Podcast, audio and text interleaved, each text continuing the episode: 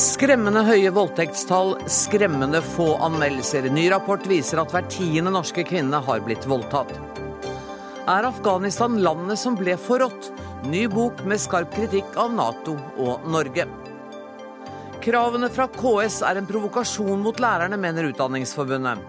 Nei, dette er tiltak for å bedre læringen i skolen, svarer KS.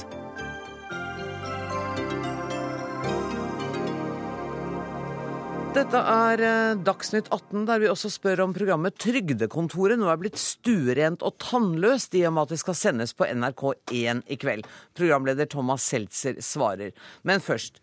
Én av ti norske kvinner har blitt voldtatt, og halvparten av dem er under 18 år. Det viser en rapport fra Nasjonalt kunnskapssenter for vold og traumatisk stress, som ble lagt fram i dag.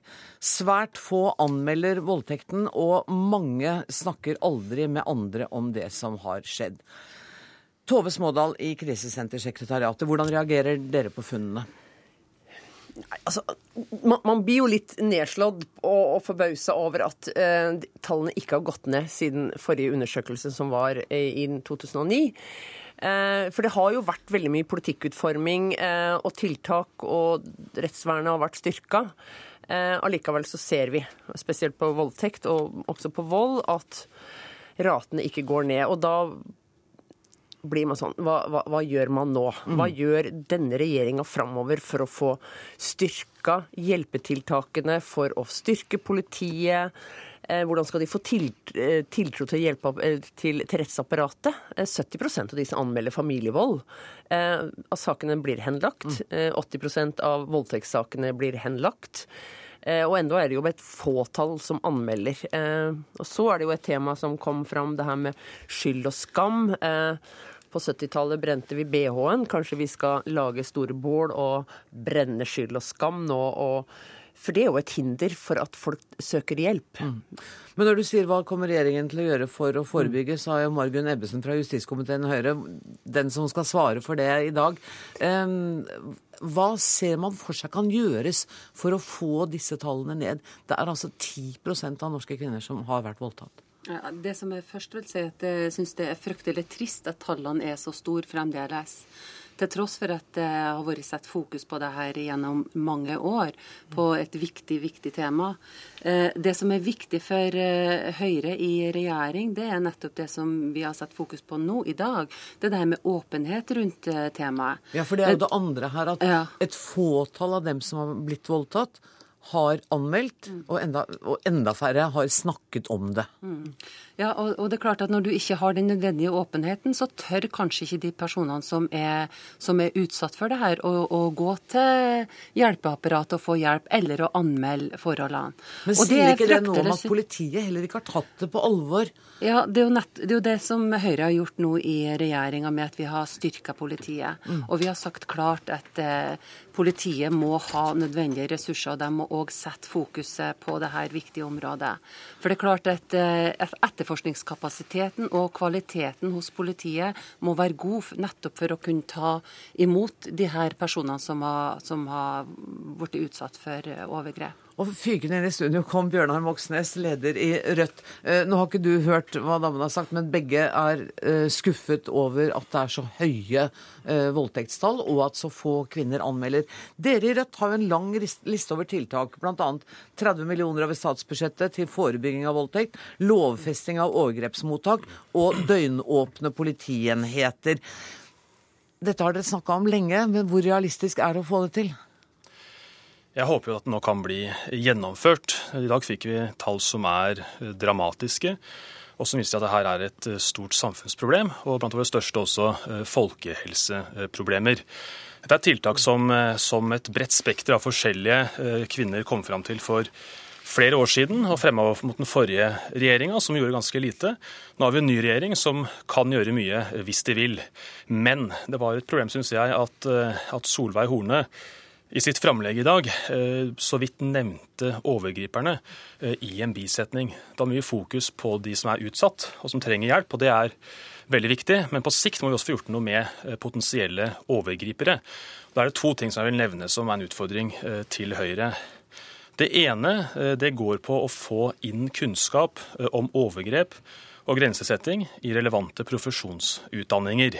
Altså både skole, men også helsearbeidere. Det andre er jo at når hver andre av de som er blitt voldtatt, har opplevd det, opplevd det under 18 år, så er åpenbart skolen blant de viktigste arenaene for, for forebygging. Og Det å få inn grensesetting, eh, kunnskap om det, om overgrep i skolen, vil også være avgjørende. Og da er dette med å få nok helsesøstre helt avgjørende. Så altså helsesøstre, å følge eh, direktoratets norm på det. Og for det andre å få inn undervisning og kunnskap i relevante utdannelser. Vil man gjør noe med det? Det er et spørsmål til Høyre. Ja, og det kan Høyre få svare på. Ja, altså, Jeg skal ikke svare på alle de områdene der, men det som er, helt eh, klart og tydelig, er, altså, jeg tar det som et godt signal. Og det er gode innspill som man kommer med.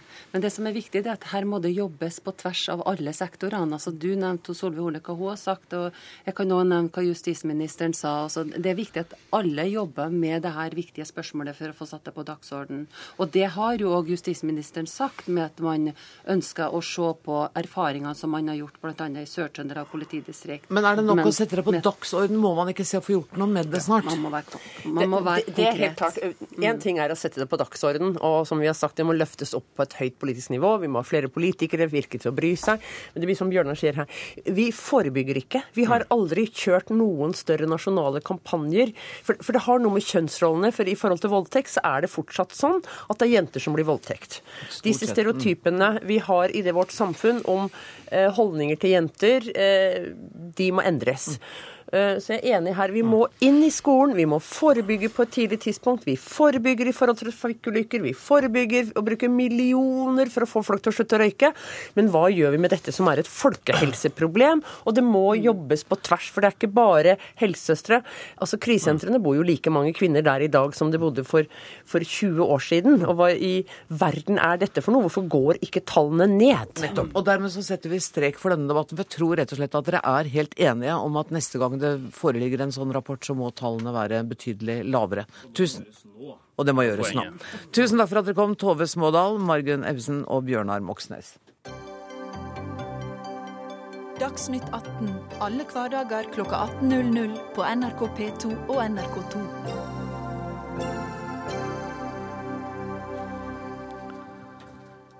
Krisen i Afghanistan er en fiasko for demokratiet. Det skriver journalisten Anders Sømmehammer og forfatteren Karsten Jensen i sin bok 'Alt dette kunne vært unngått en reise gjennom det nye Afghanistan'. Boka gir en analyse av situasjonen i landet.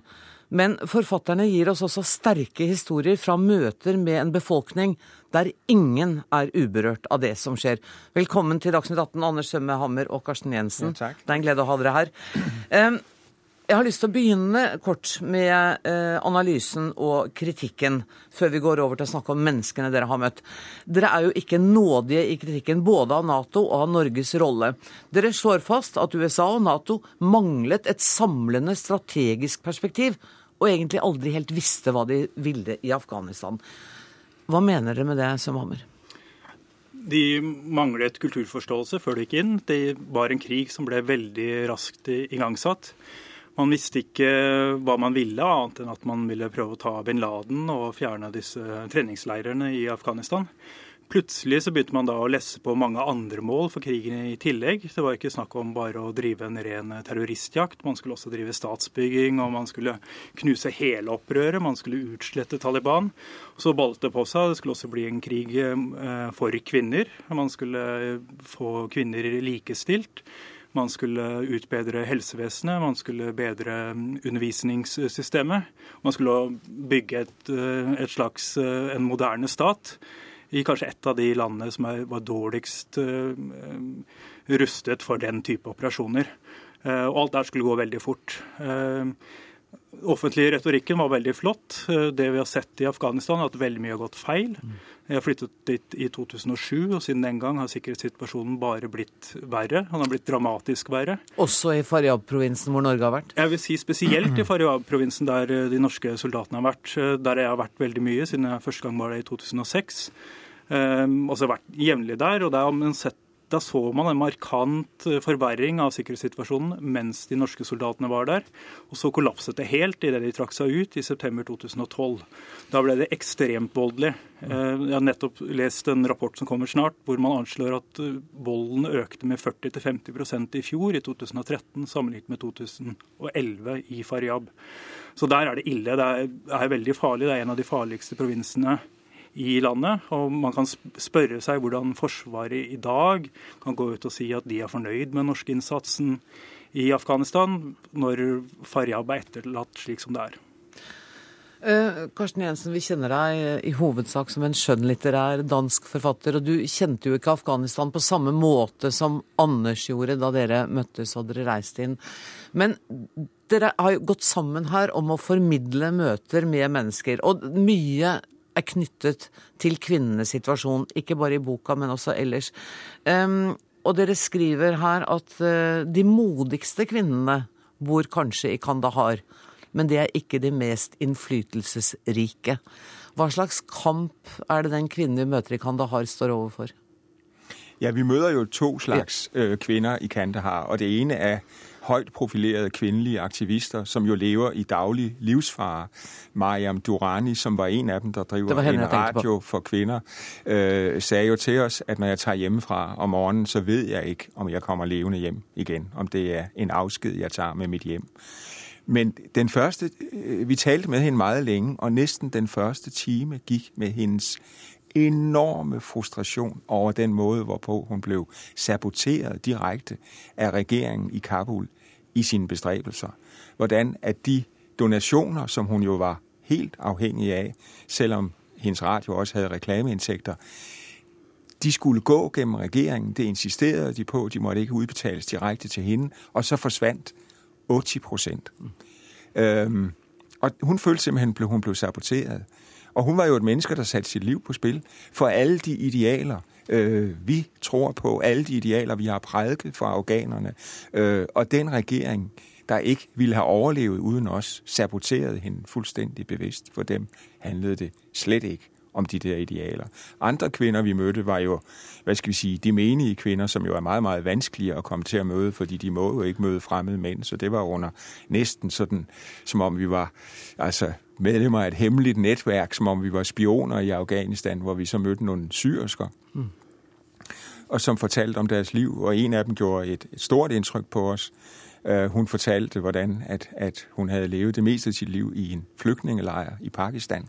Og jeg har set de flygtningelejre, og var chokeret, da hun sagde, at hun længtes tilbage til den tid, for så forfærdeligt var det at være kvinde i Afghanistan. Hun levede også i daglig frygt, for det alene at gå på gaden var farligt. Mm. Øh, og hun var enke med ti børn. 10 hendes mand og hendes ældste søn var blevet dræbt af kanadiske soldater. Hun havde ikke fået nogen erstatning. Hun havde været tvunget til at forlade landsbyen, hvor hun boede, og søge arbejde i Kandahar. Og det havde hun så heldigvis fundet, og nu overlevede hun for, hvad der svarer til 500 kroner om måneden med sine 10 børn. Det er hun, som heter Ayesha? Eller? Ja, det er det nemlig. Og der er det her øjeblik, hvor det, gjorde, det gik mig lige til hjertet, hvor hun siger, at samtidig, når jeg er helt alene, og jeg ved, at mine børn ikke kan høre mig, så sidder jeg bare og skriger. Mm. Og det var jo en fortvivlelse så dyb og så hjerteskærende. Og samtidig, så da jeg leste det kapitlet, så tenkte jeg at her er det også et streif av lys, fordi hun vil at hennes barn skal ha utdannelse. Ja, precis. Ja. Og hun kommer til å kjempe til sin død for at de ti ungene skal ja, ja. få et bedre liv. Det var det hun satte sitt liv inn på. Mm. Uh, Møtte dere alle disse sammen, eller hvordan har dere arbeidet? Jeg har lyst til å høre litt om det, Anders. Ja, Faryab har jeg eh, reist i. Eh, det er på en måte en forlengelse av det arbeidet jeg har drevet med mens jeg har vært i Afghanistan. Jeg har reist jevnlig til Faryab. Eh, jeg ser på det som spesielt viktig fordi norske soldater har vært der. Det er også et veldig interessant case-studie, fordi det, de utenlandske soldatene, de norske spissen, trakk seg ut allerede i september 2012. Eh, så det er på en måte et forvarsel om hva som kommer til å skje i resten av Afghanistan, slik vi skriver om i de kapitlene. Mm. Resten av turen var vi på sammen. Eh, vi prøvde da å komme oss mest mulig ut i felt. Prøvde å dra til en del av de mer vanskelige ruklede områdene, der det har vært mye kamper. Eh, for å møte folk som lever der, og skildre deres hverdag. Det som er annerledes, syns jeg, med denne boka i forhold til andre bøker jeg har lest, er jo at den er sjangeroverskridende. Det er både portretter, møter med mennesker, og det er den politiske analyse. Og fantastiske fotografier som jeg skjønner du har, har tatt. Og dere møter alt fra krigsherrer til barneterrorister. Hvordan valgte dere ut hvem dere skulle snakke med, eller kom det litt av seg selv? Mm, altså, det, det var jo Anders, der tilrettelagde turen, og sammen med sin fantastiske afghanske medarbejder, Hamidullah, øh, fandt frem til vores kontakter, hvilket jo helt bestemt ikke var nemt, mm. fordi det var meget intrikat nogle gange. I Kuna for eksempel var vi jo tæt på Taliban, og der måtte laves aftaler til alle sider, så vi ligesom kunne køre uskatte ind i det område, vi gjorde. Øhm, så, og, jeg, og det var også Anders, der gennemførte de fleste af interviewene. En gang imellem tog jeg over, men ellers var jeg den, der sad med notesbogen, øh, mens Anders øh, interviewede. Så vi havde sådan en, en arbejdsfordeling. Og så aftalte vi så, hvad der skulle stå i artiklerne. Og, og og så har dere gjort noen øh, kapitler sammen, og noen, yeah. noen hver for dere. Yeah. Uh, og du er jo helt åpen, Karsten Jensen, på at du, du spør deg selv helt mot slutten av boka Føler jeg at jeg kom tett på disse menneskene? Nei. Føler jeg at jeg forstår livet deres? Nei. Det jeg deler med dem, er dødsfrykten. Ja, altså jeg syns jo at, at, som journalist i den situasjonen vi var i, der arbeider vi øh, en lille smule som romanforfatter. Ikke i den forstand at vi finner på noe som helst. Det er ren fakta. Der må ikke være fiksjon. Men vi arbeider med innlevelsesevnen. Vi vil gjerne innleve oss i de mennesker. Vi vil gjerne ha at leserne kan innleve seg og tenke jamen hva nå hvis det var meg? Øh, og det innså jeg at deres liv var så dramatisk forskelligt fra mit, så tragisk forskelligt, at det ville næsten være frivolt at påstå, at jeg kunne overskride grænsen mellem os. Og så ledte jeg efter fælles berøringsflader. Hvor er der noget, hvor jeg tror, jeg kan leve mig ind i dem? Og det fandt jeg, at det var frygten. For jeg fandt ud af, at vi mødte ikke nogen, som på den ene eller anden måde ikke var bange. Altså jeg vil sige det sådan, at hvis en psykolog havde siddet øh, i sit konsultationsrum med hver eneste af de 30 millioner afghanere, så ville han kunne diagnostisere dem alle sammen med posttraumatisk stresssyndrom. Mm. Øh, og denne her daglige angst, som man jo må lære at leve med, lære at håndtere, og det er der mange strategier for, men den var der. Og der var sådan et øjeblik hen mod slutningen af opholdet, hvor vi er kører rundt i den gamle bydel i Kandahar. Øh, og det var den dag, hvor Taliban havde annonceret begyndelsen på deres forårsoffensiv, som skulle være rettet mod alle i uniform, alle der samarbejdede med regeringen. Og vi, der var checkpoints næsten for at være 200-300 meter, og der var politimænd fra alle mulige forskellige korps, og vi blev stoppet igen og igen. Og på et tidspunkt bliver vi hævet ud af bilen og behandlet sådan lidt groft, og det er ikke sjovt. Øh, og plutselig kan jeg jo mærke, at de er lige så bange, som vi er. Og så tenkte jeg, der har vi noe til fælles. Der er på en måde min dør inn til en forståelse av hvordan det er å være afghaner nå. Jeg skulle så ønske vi hadde hatt mye mer tid, men Anders, bare ti sekunder helt til, til slutt. Um, ser du noe håp om at afghanerne kan slippe frykten i overskuelig fremtid? Nei. Nei. Jeg tror det blir krig. Eh, det er krig allerede. Jeg tror det kommer til å bli verre i løpet av de neste par årene. Så er det umulig å si hvordan situasjonen er om ti år, men det ser veldig mørkt ut nå. Tusen takk for at dere kom, og tusen takk for boka, Anders Sømmehammer og Karsten Jensen. Vi skal snakke med Yggve Odlo, som har tjenestegjort i Afghanistan i flere omganger, og som nå er generalmajor i Forsvaret. Jeg er klar over at du ikke har rukket å lese boka, men du har hørt på de to forfatterne, og du har hørt at F.eks. i Faryab-provinsen så er altså ifølge Sømmehammer sikkerhetssituasjonen blitt verre i løpet av de årene Norge har vært der. Hva har du å si til det? Nei, For det første vil jeg si at det er bra med debatt om Afghanistan. Eh, for selv om ISAF nærmer seg slutten, så er ikke fokus på Afghanistan. Det blir ikke borte i 2014. Men jeg tror det er viktig når man går inn og evaluerer Afghanistan, at man husker hele historien fra 11.9. og behovet for å gjøre Afghanistan ikke til et friområde for internasjonale terrorister. Og så synes jeg også det er viktig når man nå skal begynne å se på den militære innsatsen, å huske på at mandatet til ISAF har hele tiden vært å støtte afghanske myndigheter og bidra til sikkerheten for det afghanske folket. Men det har altså oppnådd motsatt resultat, ifølge forfatteren av denne boka. Ja, eh, Militærmakt løser ikke alle problemer, og det har Forsvaret veldig tydelig på hele veien. Samtidig så har bruken av militærmakt faktisk eh, fram til eh, 2011-2012 bidratt til at afghanere sjøl kunne etablere en, sikkerhetsstyrker for å kunne håndtere sikkerhetssituasjonen sjøl. Og den situasjonen du ser i dag, ja, eh, sikkerhetssituasjonen er utfordrende, men den håndteres av afghanerne selv. Og det er kanskje noe av det viktigste vi har bidratt med, å gjøre dem i stand til å håndtere sin egen situasjon. Det tror jeg også vil bidra til å løse en av de store utfordringene, og det er legitimitet i befolkningen. At vi faktisk ser at dette nytter. For det, det, er jo også et problem, legitimiteten i befolkningen. Og den er jo ikke vunnet i løpet av noen måneder eller kanskje bare noen få år. Nei, Afghanistan uh, må du se et langt perspektiv. Og det er nok en av utfordringene for den vestlige kultur, som gjerne har stor utålmodighet, ser etter quick fix. Det finner du ikke i Afghanistan. Men nå har jeg vært så heldig å være i Afghanistan i to omganger, en i 2004 og en i 2012. Og når du ser den utviklingen som har vært i Afghanistan, så er det veldig mye positivt som har skjedd. Som du har, som du har opplevd og sett på nært hold? Som jeg har opplevd etter å ha vært der eh, to ganger eh, i to misjoner, på hver ende. Og Det er helt klart at det er veldig mye positivt å fokusere på, men samtidig skal være så ydmyke og erkjenne at ja, Afghanistan har en lang vei å gå, men vi har i hvert fall gjort dem i stand til å gå den veien alene, men med vestlig støtte. Så du tror at når, hvis det da skjer, at vi trekker oss ut ved 31.12. i år, så vil Afghanistan kunne gå en fredelig framtid i møte?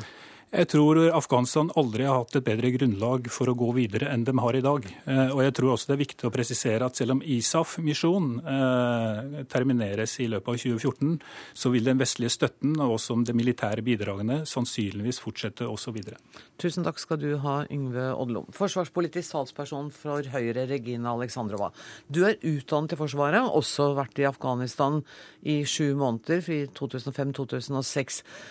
Hvordan reagerer du på den kritikken som du har hørt fremført av forfatterne i dag? Ja, nå har ikke jeg lest uh, den boken, men jeg har lest uh, de uttalelsene som har vært i avisen, og så hørte jeg, fikk jeg hørt litt på det de forklarte her. Uh, og jeg tror vi kan være enige at det er mye som ikke er på plass i Afghanistan. Og det er fremdeles et av verdens fattigste land. Men så ønsker jeg også å understreke at det er veldig mye som er bra fra 2001, da vi kom dit, så var det under én million barn som gikk på skole. Nå så er det over åtte millioner barn som går på skole. Og fortsatt fire millioner. Ja, 40% av de er eh, jenter. Jeg tenker Det er en positiv utvikling. Og Samme ser man på helsesiden. Tidligere så var det nesten ingen som fikk helsetilbud. Nå er det 80% dekning. Så jeg tenker at eh, det militære bidraget som vi har hatt der nede, det har bidratt til å gi handlingsrom for å kunne etablere utdanning for barn, og for å kunne få på plass uh, helsetilbud.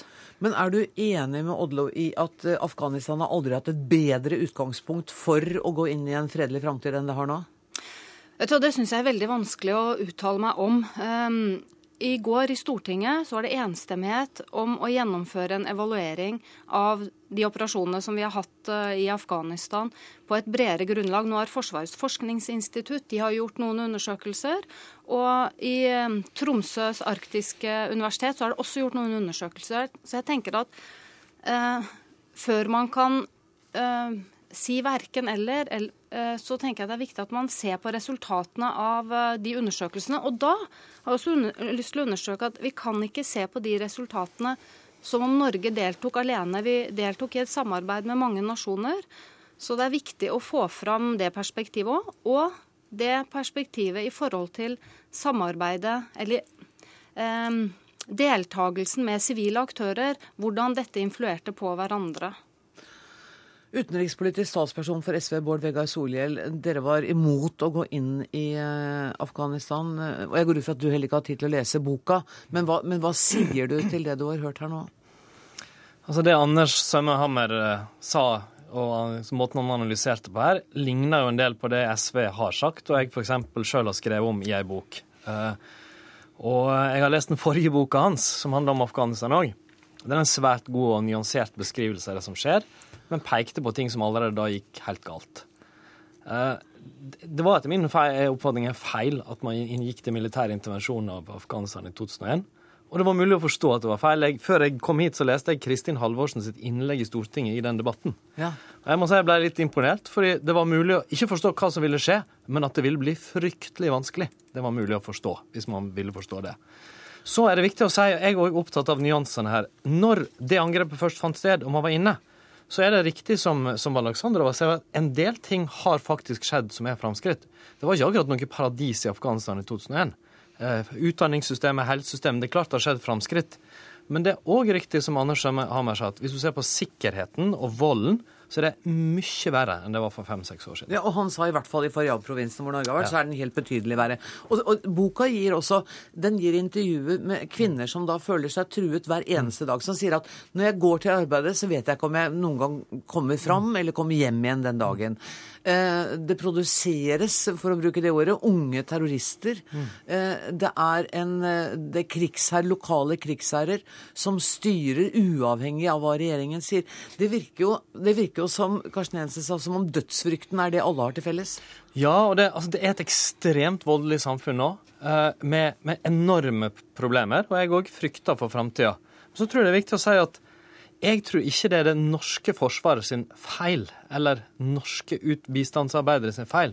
Snarere tvert imot så har jeg et enormt positivt inntrykk av det mange av dem har bidratt med. Men ting kan jo gå galt i sum, mm. selv om mange gjør en god innsats. Og selv om intensjonene er de beste. Ja, og jeg tror at Hvis jeg får lov til å kort peke på to ting Mangelen på en politisk strategi. Hva ville man egentlig fra begynnelsen av? F.eks. en vilje til å forhandle òg med de man ikke ville forholde seg til i mange år. Det tror jeg er en stor feil. Og så Hvis du sammenligner Afghanistan med f.eks. med Balkan da, på 90-tallet, så ser vi at hvor mye penger man brukte på utvikling i forhold til den militære innsatsen. Der er det mye mindre brukt på utvikling i Afghanistan i forhold til hvor stor den militære operasjonen var. i forhold til da. Det tror jeg òg er en fundamental feil som har blitt gjort. Alexandrova, eh, jeg leste nå at eh, forsvarsministeren sier at Norge nå både er forberedt på å trekke seg ut og på å bli, fordi at det fortsatt er uavklart. Karzai, presidenten, har ikke villet undertegne avtalen om eh, at vi kan være der lenger. Ønsker denne regjeringen at vi skal fortsette arbeidet i Afghanistan utover 2014? Ja, jeg tror det er viktig. Det er som Yngve Odlo sa, dette er ikke gjort i løpet av noen år. Eh, og slik som vi har operert de siste årene, så har vi brukt eh, mye ressurser på å utdanne både politiet og de afghanske styrkene, slik at de skal kunne håndtere egen sikkerhet. Eh, nå er det 350 000 afghanske militære som er utdannet og som skal ivareta denne sikkerheten.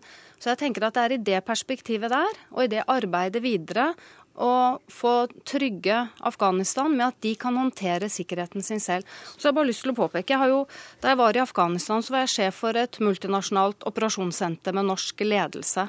Jeg var også ute og patruljerte i gatene, både på dagtid og kveldstid. Og vi var og snakket med befolkningen ute. Og den tilbakemeldingen som vi fikk fra de, i forhold til at vi gjorde en forskjell i forhold til deres trygghet, det tror jeg vi skal ta med oss. og det som er beskrevet her nå i Faryab-provinsen, eh, det er nok kanskje en del av en sannhet, men kanskje ikke den hele sannheten. Tusen takk for at dere kom. Vi må sette strek der. Takk til Regine Regina Aleksandrova og til Bård Vegard Solhjell.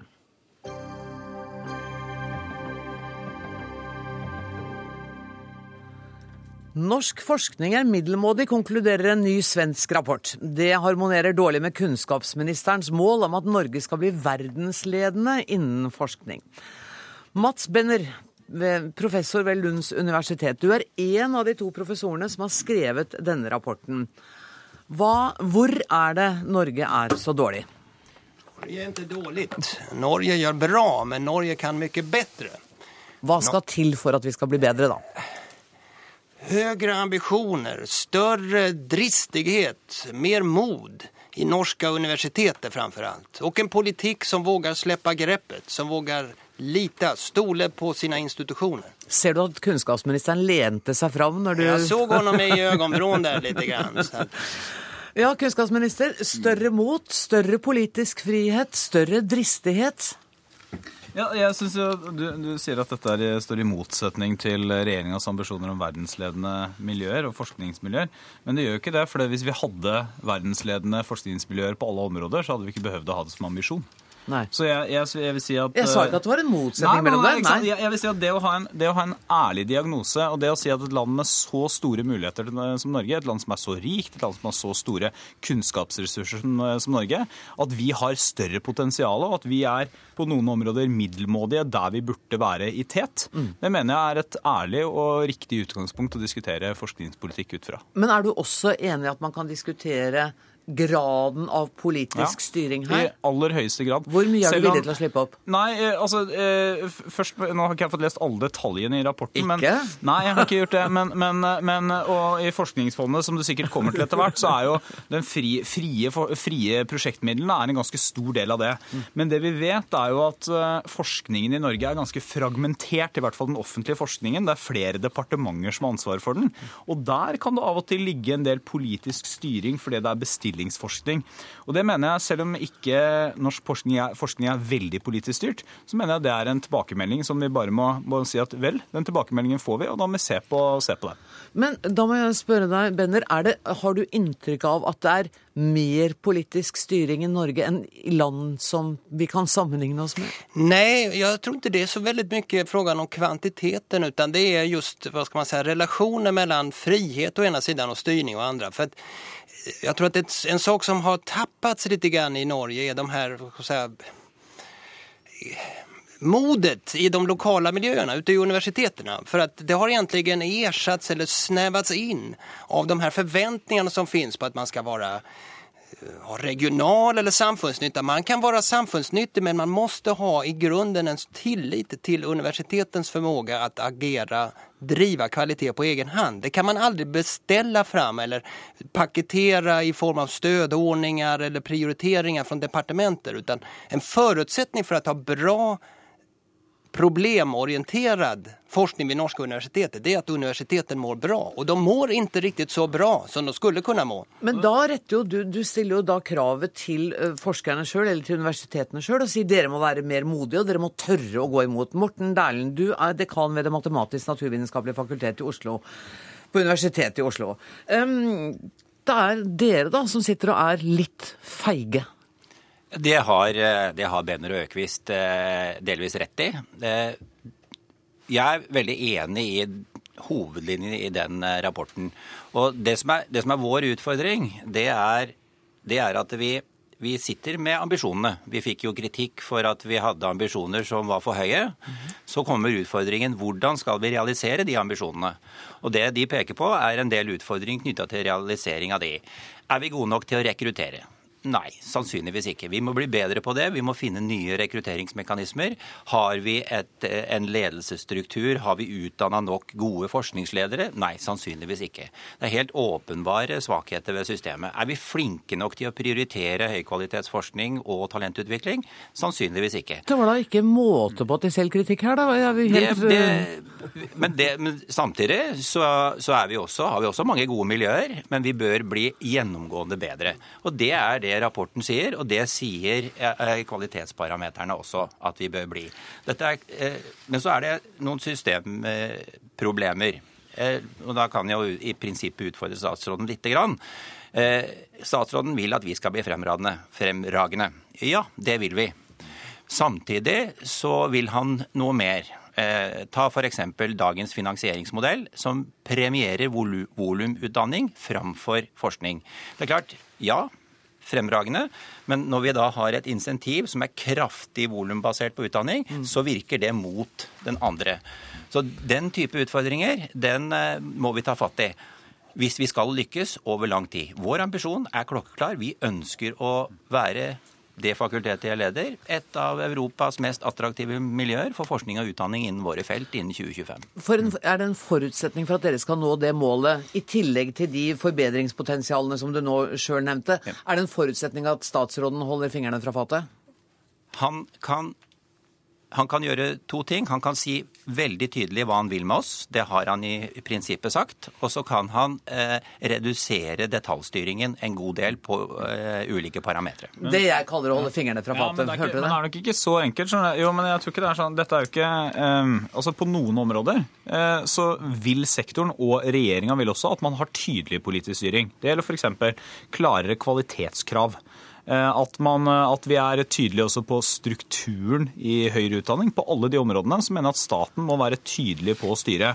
Men når det gjelder, når det gjelder innholdet i forskningen, så burde, man ha, så burde man se på om det er som Benner sier, at er det for mye oppdragsforskning som er for mye knyttet til helt konkrete problemstillinger, og for lite som går til de store prosjektene, eller altså de, de friere, friere prosjektstøtten, da, for å si det sånn. Og Og så er mener jeg, bare til utgangspunktet her, så må jeg si at det er jo ikke noe rart at selv om en institusjon som, som Universitetet i Oslo, som er eh, gode, men at de har lyst til å bli bedre. Altså, vi er en nasjon som Det er ikke mer enn en uke siden det var en debatt i Dagsnytt 18 om eh, at vi fikk elleve gull, var ikke det, i OL? Og hvorfor fikk vi ikke enda flere? Og hvorfor skulle ikke et av verdens rikeste land ha de akkurat de samme ambisjonene på forskningspolitikken? Ja, og, og det har vi. Eh, Da må jeg snakke har vi ikke elleve gull engang, da. Nei, nei, men vi har, vi har de samme ambisjonene, Ja. mener jeg. Um, Arvid Alén, du er leder av Forskningsrådet. Hva syns du om konklusjonen i den rapporten? Jeg syns rapporten er eh, god eh, langs flere dimensjoner. For det første så eh, er det en veldig klar oppfordring til å legge lista enda høyere. For den sier at vi har gjort det godt. Vi har gjort en opphenting som har vært bemerkelsesverdig over 20 år. Men lista kan legges høyere, og da må det hver enkelt aktør ha høyere ambisjoner. Og så setter den fingeren på den politiske styringen, styringen fra Forskningsrådet og ambisjonene og organiseringen på universitetene. Ja, for er dere får også litt kritikk her. Ja, vi får også eh, litt Alle får. alle får. Alle får sitt. Og, og eh, vi har jo eh, vært gjennom en evaluering hvor eh, oppfordringen var dere kan gjøre enda mer for å fremme den grensesprengende, virkelig eh, toppforskningen. Og eh, det jeg fortalte på konferansen i dag, det var at vi nå også eksperimenterer med utlysningsformer og eh, beslutningskriterier som kan bidra til å motivere forskningsmiljøene enda mer til å sende dristige søknader. Statsråden skal få en replikk Ja, til bare si at den, den tøffe, det tøffe politiske diskusjonen her, det ligger ikke nødvendigvis i eh, bare i forskningsmiljø, men det ligger jo i hvis man skal bygge opp miljøer i verdensklasse, så betyr det at man må prioritere. Det betyr også at noen må prioriteres ned og velges bort. Det holder regjeringa på med nå. Det andre er at hvis man skal bygge opp både forskningsmiljøer og, og universitetsmiljøer som er i verdensklasse, så betyr det også at noen må prioriteres opp, og noen da må få litt mindre forholdsvis, eller relativt sett. Og Det er en tøff politisk prioritering. Det betyr ikke at alt behøver å samles geografisk, men det betyr at man er nødt til å være tydelig på noen kvalitetskriterier, og så velge også å favorisere noen miljøer med ressurser. For andre. Benner. Jeg skulle bare si at det er jo også en fråga om tillit. Jeg skulle si at det finnes et behov av, en betydelse av at norske politikere, forskningsfinansierere, legger en tillit til universiteten å drive kvalitet i sitt hverdaglige arbeid.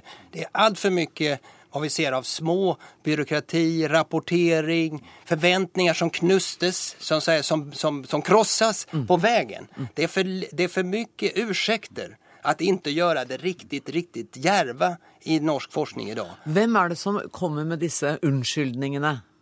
Disse ursäktene? Hvem er det? Ja, alltså, vem och vem? Alltså, man kan säga att man ser det ändå. Alltså, det är jo inte så att det här är en, en, en, en hjärtskärande syn. Utan vad man ser är ju miljöer som är goda, ett land som presterar väldigt gott, men som kan så mycket bättre. Och det här är inte någonting, det handlar inte om att byta befolkning. Eh, eller ens byta politiker till varje pris. Eh, eller universitet. Eh, utan det handlar bara om att utfodra, att sätta utmaningar eh, på alla de her nivåene. det, nivåerna. og det er dere jo enige om også i Forskningsrådet. Men er du enig også, Helen, at det er dette med oppdragsforskning som kanskje er en liten bremsekloss for den grensesprengende frie forskningen? Ja, jeg er litt uh, mer presis i begrepsbruken her. Vi Enn har, uh, ja, nei. Vi har oppdragsforskning, og universitetene og instituttene bør ha mye oppdragsforskning direkte med samfunnsaktører og bedrifter. Men den forskningen som vi forvalter gjennom Forskningsrådet, går gjennom forskningsprogrammet, hvor eh, vi har departementer som finansierer inn. Og Det er en styrke ved det norske systemet at alle departementer er engasjert i finansiering av forskning, men det blir samtidig en svakhet hvis de har fingrene for langt inn i skuffene på den andre sida. Og der er det et forbedringspotensial å gi større tillit også til de fagsystem som jeg forvalter.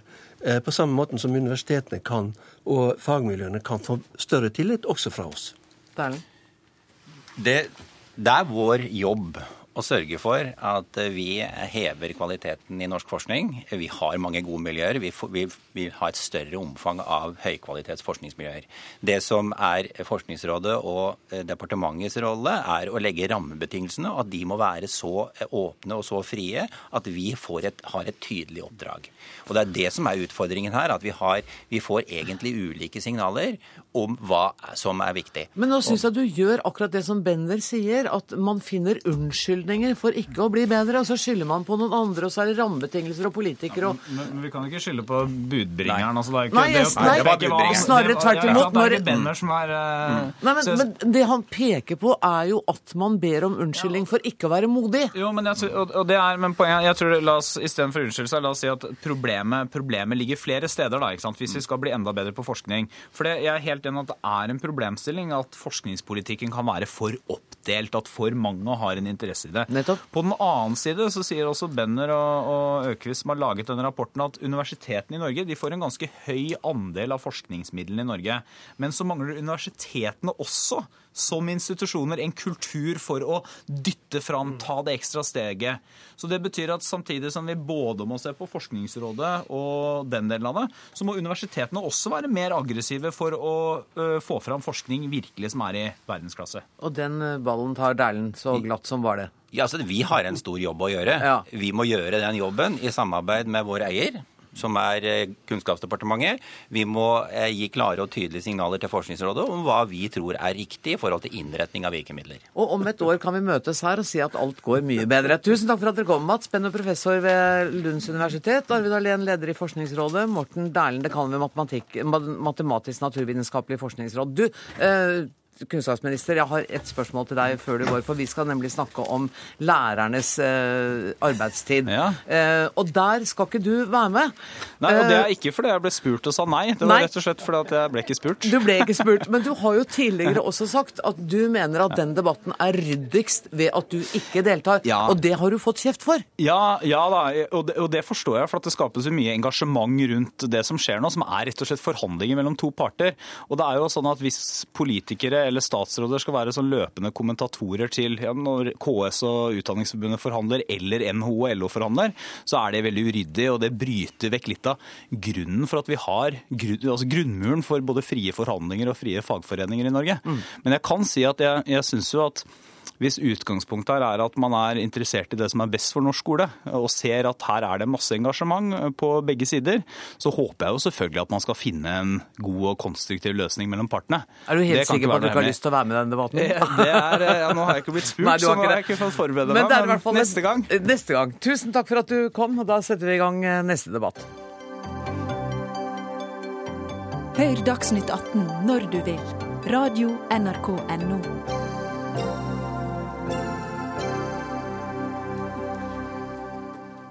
Igjen er det uro om lærernes arbeidstid. KS vil innføre vanlig kontortid og fordele arbeidstiden på flere uker i løpet av året. Lærerne protesterer, og nå er det brudd i forhandlingene. Uenigheten blir en del av hovedtariffoppgjøret. Gunn Marit Helgesen, leder i KS, kommunesektorens organisasjon. Går det an kort å skissere hva forslaget fra KS innebærer? Forslaget fra KS er å bidra til å få en arbeidstidsavtale som gjør at man skoleeier eh, har muligheten til å styre ressursene noe mer enn dagens avtale gjør. Dere vil altså ikke utvide lærernes antall arbeidstimer i løpet av et år? Nei. Det vi ønsker er å diskutere om det er mulig å utvide skoleåret eh, og få tid til noe mer eh, samarbeid i lærerkollegiet. Mer tid til etter- og videreutdanning, som alle snakker om. Eh, Og det er det skoleeierne mener er nødvendig for å utvikle norsk skole. Det, lærerne har nå, så vidt jeg husker, 38 uker med over 43 timers arbeidsuke hvert år. Dere vil utvide antall uker inn til 45 uker. Ja. Um, det høres jo litt pussig ut unektelig at lærerne skal være mye på skolen når elevene ikke er der. Ja, Det er en sånn floskel som eh, man hører veldig mye nå. Eh, Det det handler om er at eh, For det første så er det skolelederne lokalt som må finne ut hva er behovet her hos oss. Men det er veldig mye forskning som viser at hvis vi skal ha gode skoler, så må det være godt lederskap på skolen. Og da må man også ha tid til samarbeid i lærerkollegiet. Tid til refleksjon over pedagogiske metoder. Tid til veiledning av hverandre. Tid til diskusjon i fellesskapet. Eh, og det er det nærmest ikke tid til nå. Eh, og da må skolelederne finne ut i samarbeid med sine ansatte hvordan vi gjør det på vår skole. Og da må vi løse opp i noen av disse sentrale hindringene, slik at skoleeier får rom for å lede norsk skole inn i, i fremtiden. Og dermed vil dere også svekke lærernes forhandlingsrett? Nei, vi ønsker at eh, skoleledere og skoleeiere har muligheten til å styre ressursene noe mer enn Ja. det som er nå. I, Altså, dialog, I dialog med eh, ansatte og tillitsvalgte, som er god tradisjon for i Norge. Ja, men det kalles drøftingsrett, og det er noe annet enn forhandlingsrett. Sånn at forhandlingsretten blir vel noe svekket i det forslaget som dere legger Ja, opp til? vi mener at det er nødvendig, Der kom det svaret. Ragnhild Lid, leder i Utdanningsforbundet. Um, hvorfor er dere så utrolig skeptiske til å få en fast arbeidstid, altså eh, kontortid? Eh, For det første så er kontortid det er ikke nok arbeidstid i løpet av elevene sitt skoleår. I den avtalen vi har i dag, så skal lærerne i snitt være på skolen fra halv ni til tre.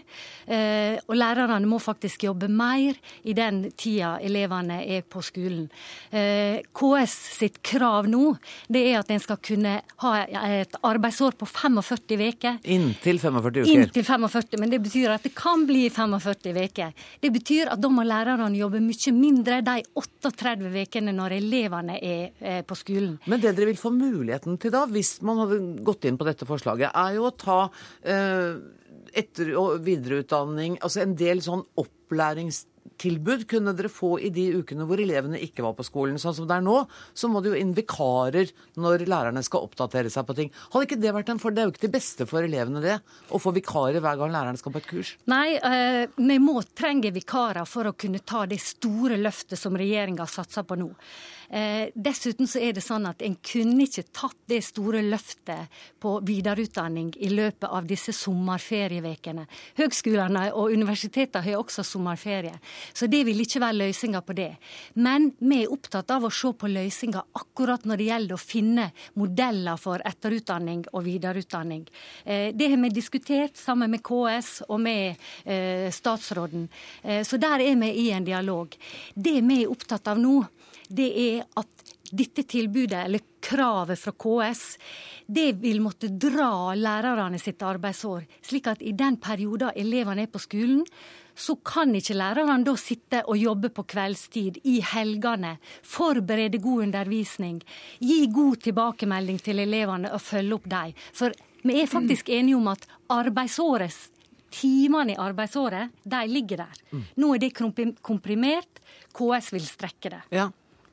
Ja, Vi ønsker å strekke det nettopp også av hensyn til lærerne, men selvfølgelig også av hensyn til elevene i norsk skole. Fordi jeg er helt enig med, med vår eminente programleder som sier at vi må sette inn mye mer vikarer enn vi Jeg syns er bare godt. refererte. Eh, jo, men det er det det handler om. Hvis ikke, hvis ikke lærerne har noe tid utenom tiden med elevene, så får man jo ikke tid til det kollegiale eh, samarbeidet eh, lærerkollegiet imellom.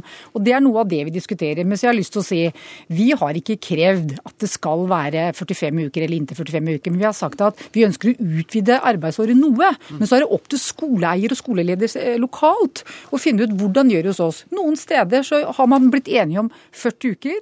Eh, hvor man også da har en uke hvor man kan jobbe mye mer i samarbeid. Hvordan vi kan veilede hverandre, hvordan kan man kan jobbe med pedagogiske metoder osv. Og, så og det fungerer helt utmerket. Andre steder klarer man det fint med dagens avtale. Og da er det helt fint å fortsette med dagens avtale. Men det er altså noen som ikke får det til med den sentralgitte avtalen, og da trenger man en eh, mer oppmyking og en, eh, en lokal tilpasning, slik at skoleledere og skoleeiere kan utvikle skolen. Dere la fram forslag i november, og i januar så var det brudd i forhandlingene allerede. Nå går det til hovedtariffoppgjøret som starter i april. April. Eh, og mm, Kommer vi til å komme nær en løsning i år? Dette har vært, dette har vært tema i et par og 20 år. I 92 så samla det seg 6000 lærere til protest mot eh, Gudmund Hernes i, i Spektrum. Eh, skje, kommer det til å skje noe, eller kommer vi til å diskutere dette her neste år i Dagsnytt 18 nå? Altså, vi ønsker å være i forhandlinger, men da må for det første KS innrømme hva slags krav de la fram som sitt siste krav, som gjorde at lærerne i Norge ble så provosert. Det handler faktisk om inntil 45 uker, å ta vekk forhandlingsretten og gi full styringsrett. Det første jeg vil kreve, det er at KS innrømmer at det var deres krav. Og skal vi komme i forhandling da, så må dere begynne å bevege dere vekk fra Ja, det kravet deg, og mot oss. Det er det forhandlinga handler ja, om. men kjære deg. Ragnhild Lid. Du har altså ikke gitt oss et motkrav. Dere brøyt. Altså KS kom med et tilbud. Vi ønsker å utvide arbeidsåret inntil 45 uker. Dere bryter. Det tar vi til etterretning. Oppgjøret er, eller denne avta- De forhandlingene er brakt da inn i hovedtariffoppgjøret, som det så riktig er sagt. Vent litt. Grann.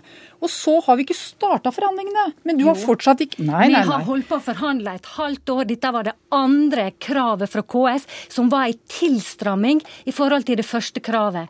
Og når en er i forhandlinger, så forventer en når det andre kravet kommer, at en nærmer seg hverandre. Dette var en tilstramming, og det var det som gjorde at lærerne ble umiddelbart fra- provosert. Det ble et opprør ute i norsk skole som det er lenge siden jeg har sett. Der er situasjonen nå. Men vi skal være villige til å forhandle hvis dere har noe å gi.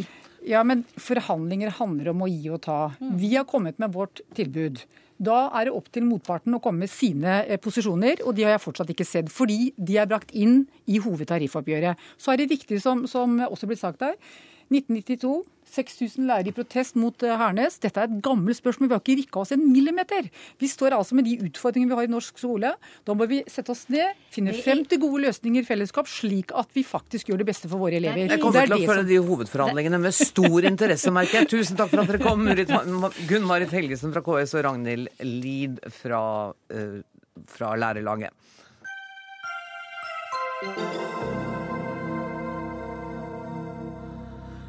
Nå til asylforhandlingene mellom regjeringspartiene Kristelig Folkeparti og Venstre, som går mot slutten. Forhandlerne har lagt fram en avtaletekst for sine respektive stortingsgrupper. Og politisk kommentator Lars Nehru Sand, hva vet du om hva som er blitt enighet om? Ja, Det er eh, foreløpig sånn at eh, forhandlingene skal fortsette i morgen. og Dette har vært en eh, rundingsbøye i partigruppene her på Stortinget. Og så vil man fortsette i morgen bl.a. med nye innspill på ting gruppene gjerne ville ha forbedret. Asylbarna har vært et vanskelig tema, ikke bare for denne regjeringen, men for tidligere regjeringer. Hva ble utfallet i denne saken? Ja, Det er kanskje den viktigste endringen, slik jeg forstår det opplegget som er lagt frem i stortingsgruppen i dag.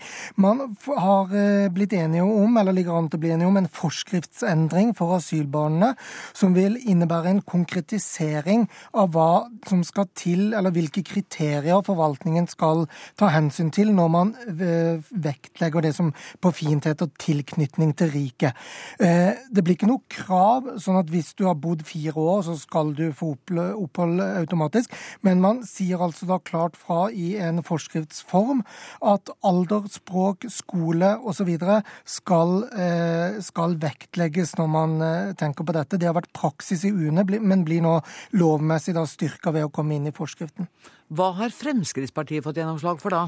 De har fått gjennomslag for de viktige eh, asylmottakene for sin del. Eh, det skal bygges egne asylmottak som eh, skal spesialtilpasses folk som ikke skal være i Norge. Eh, som kan kalles for returmottak. Og der skal man øke bruken av meldeplikt, slik at det blir en mild form for frihetsberøvelse. Det blir altså ikke et lukka mottak for disse.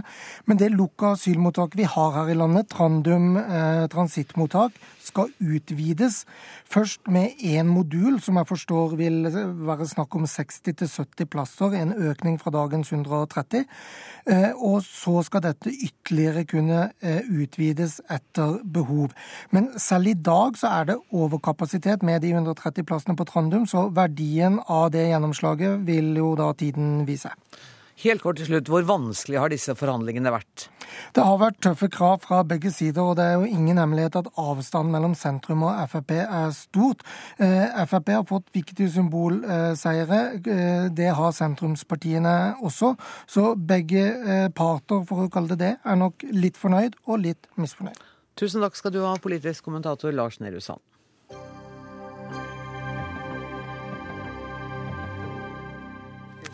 Du kan sitte rett overfor meg, Thomas Seltzer. Det var hyggelig at du så deg tid til å komme. I kveld er jo sesongpremiere på Trygdekontoret igjen.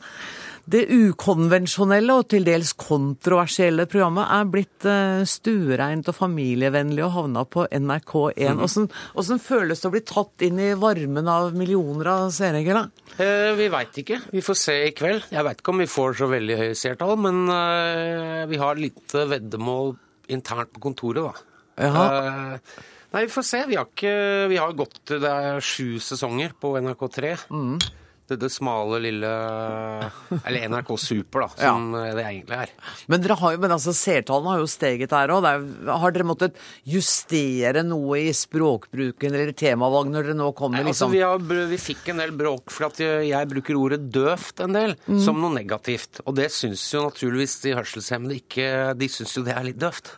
Sånn at, men så klagde da de Hørselshemmedes Landsforbund, og da lurer jeg på hvem er det som har tysta til dem? Så det, det, hørende Norge lekker som en sil. Ja, så vi får se. Vi har ikke finslipt så veldig, vi skal, vi skal, ikke bruke det ordet så veldig mye. Også bortsett fra det har vi ikke gjort noe særlig i det hele tatt, bortsett fra å lage en veldig folkelig serie. Vi har lagd en slags remake av Mot i brøstet. Med Nils Fugt, Sven Nordin, Linn Skåber og Bjørn Sundquist, som heter Ellen og Børre og dem. Som ligner på Mot i brøstet? Ja, det er eller, mer eller mindre helt identisk, men det er, det er, litt annen handling, da. Så formen er helt lik. Nesten. Vi har bygd, NRK har bygd opp stue og kjøkken, sånn som Mot i brøstet, og etter hvert da Carl Co. Så det er veldig, veldig, veldig, veldig, veldig, veldig folkelig. Og så har, men så har dere samtidig Dere går jo også litt i næringa, for du skal jo ha debatter, og det har mm. du jo alltid hatt. Mm. Um, og i kveld, hva er temaet da? I kveld er det Det har jo vært veldig mye snakk om sexkjøploven i senere tid, hvor veldig mange da, altså prostituerte Mange av de har fått slippe til. De er med hos oss i kveld også. Men vi tenkte vi skulle la sexkjøperen få slippe til. Og det er da, han representerer, representerer jo da 13% av alle norske menn. Ok, Så dere mener at selv om denne debatten har vært kjørt i alle medier, i alle programmer Det handler så mye om den paragrafen. Å nei. Eh, så vi vil, heller, vi vil heller til bunns i hva er det som driver sexkjøperen. Finner dere ut av det ikke? Ja, Det er jo, for å si det sånn, for å si det veldig vakkert, det er en uh, liten sang om ensomhet. og ikke, Apropos sang, vi har eh, en av Norges fineste stemmer skal komme og synge en av verdens fineste låter, så det får folk få med seg. Og du vil ikke si hvem det er, eller? Vi kan si at så mye som at uh, han, fornavnet begynner på B og så slutter det med Gjøro Haaland. ok, da kan jeg gjette hvem det er. Og en av den fineste låta Nei, det bør jeg ikke vite, jeg skal Nei. se programmet. Du, er det fortsatt like gøy å jobbe med Trygdekontoret? Jeg husker at du var her en av de første sesongene mm, mm. og var ganske tent og, og litt nervøs. Mm.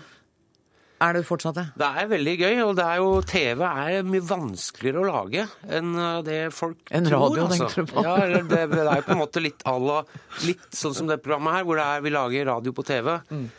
Sånn at vi prøver jo å lage Vi prøver jo å lage litt seri, ha, vi prøver å ha litt seriøse temaer og sånn, og at det er litt humor også. Men uh, ja, det er en balansegang der. For det vi, det vi tar alvorlig, tar vi jo veldig alvorlig. Og så det er ikke sånn at vi bare sitter og flåser prøver i hvert fall ikke å flåse. Det er også litt vanskelig innimellom det òg. Eh, men vi prøver Du kan si bunn og grunn så handler Trygdekontoret om å gjøre norsk offentlighet litt større. Til et litt mer inkluderende rom, da.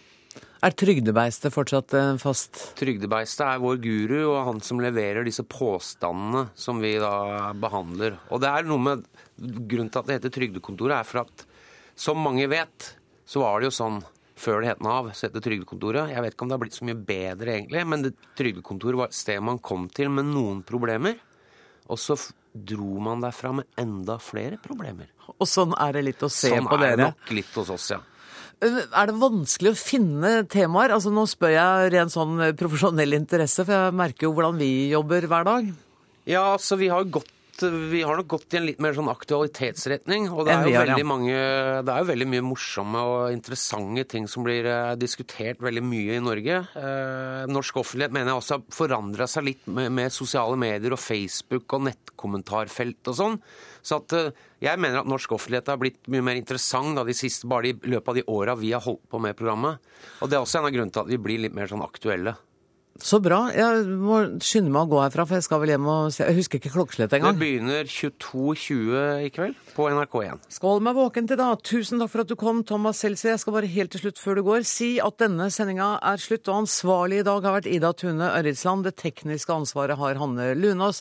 Jeg heter Anne Grosvold, og vi samles foran TV-skjermene 22.20.